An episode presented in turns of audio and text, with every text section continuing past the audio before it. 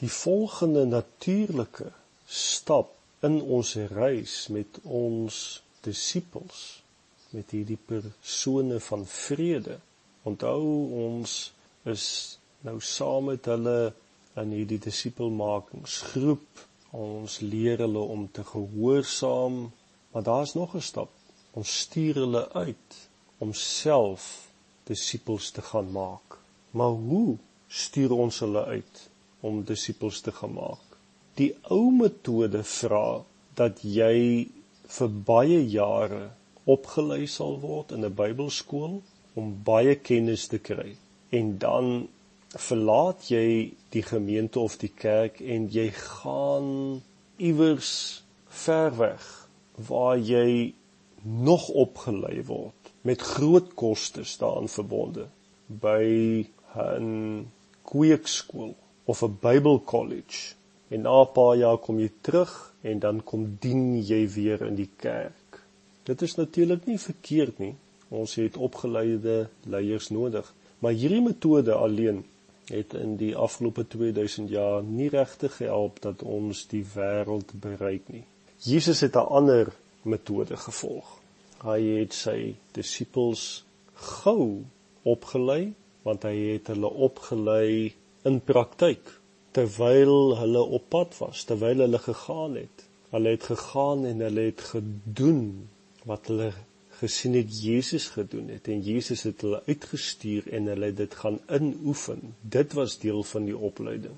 Jy leer regtig net om iets te doen en goed te doen deur dit te doen. Byvoorbeeld, hoe het my dogter geleer loop?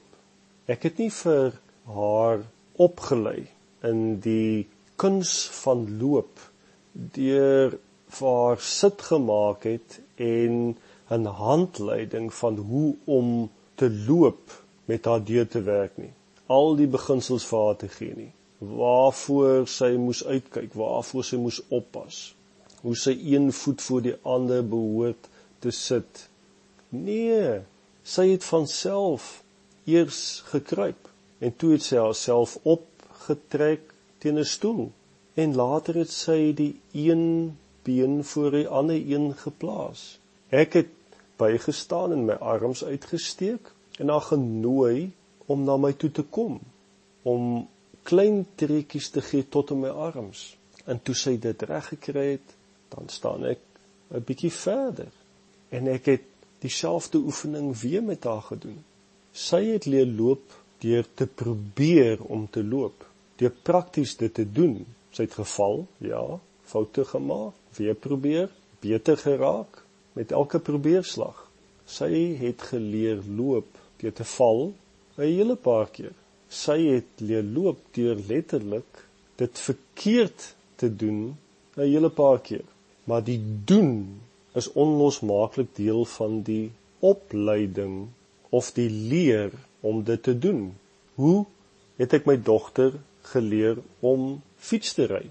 Nie deur vir haar lesse te gee nie. Ek het nie gesê les 1 dit is hoe jy balanseer, les 2 sit jou voete op die pedale, les 3 dit is hoe jy met die brieke werk. Nee, jy sit haar op die fiets, jy staan agter haar, jy hou dit vas, jy stoot haar vorentoe terwyl jy dit hou en later los jy bietjie vir bietjie vir kort periodes.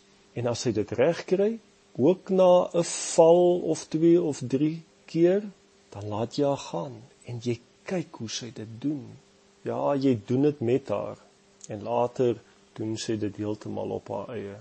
Hoe leer jy 'n vakman om byvoorbeeld stene te lê Jy plaas hom beslis nie in 'n klaskamer en skryf op 'n swart bord hoe om stene te lê. Stap 1, stap 2, stap 3 nie. Nee, jy laat hom toe om te kyk hoe jy dit doen. Elke stap van die proses en dan wys jy vir hom hoe om dit te doen. En na 'n sekere tyd kan hy jou begin help om dit te doen. Jy vertrou hom daarmee met klein verantwoordelikhede. Miskien gee hy in die begin net vir jou stene aan. Miskien begin meng hy eers die sement, maar later vra hy hom om self die stene te lê. Maar jy help hom, korrigeer hom, help hom om dit perfek te doen. Jy doen dit saam met hom, maar uiteindelik kan hy dit self alleen doen en jy kan net terug staan en kyk. Baie vinnig doen hy dit sonder jou wat daar is. Dit is wat opleiding in die praktyk is. Jy sien in baie kerke wil ons eers vir mense 'n klomp kennis gee. Hulle moet geskool wees in die teorie en in die beginsels. En eers as ons tevrede is dat hulle genoeg weet, dan stuur ons hulle uit.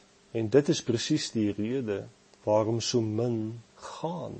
As jy wag totdat hulle genoeg weet, dan gaan jy hulle nooit uitstuur nie. Jy kan nie mense bekwam maak deur vir hulle klomp kennis te gee nie. Jy kan nie vir mense bewaar van foute maak deur vir hulle klomp kennis te gee nie. Nee, om foute te maak is hoe jy leer. Toe Jesus disippels uitgestuur het daar in Lukas 10, was dit baie baie vroeg in hulle opleidingsproses. Hy het geweet hulle gaan dit nie perfek doen nie. Tog het hy aangegaan om hulle te leer toe hulle teruggekom het. Daai eerste uitstuur was maar baba trekkies maar hulle was al 'n tydjie by hom gewees. Hulle het gekyk hoe hy dit doen. Hy het dit saam met hulle gedoen vir 'n tyd en hy het hulle herinner van die mees belangrike beginsels. Maar toe sommer vinnig het hy hulle begin uitstuur. En hulle het probeer om toe te pas wat hulle geleer het. En soms het hulle sukses gehad en ander kere het hulle misluk. En dan het hulle teruggekom na Jesus en hulle het stories vertel en gereflekteer die proses maar toe Jesus opvaar na die hemel daar het hulle 'n stadium bereik waar Jesus hulle toe kon los agterlaat en hulle self verder kon voortgaan om disippels te maak sonder dat hy self fisies teenwoordig is ons moet presies dieselfde strategie gebruik Ons moenie gelowiges, volgelinge van Jesus verwyder van die eintlike taak om dit prakties te doen nie. Dit is wat die ou model gedoen het om mense een kant te gaan oplei.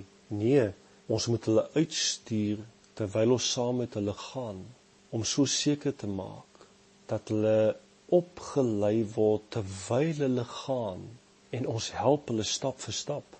Dit is in praktykopleiding. Ons moet met ons disippels wandel net soos Jesus dit gedoen het met sy disippels.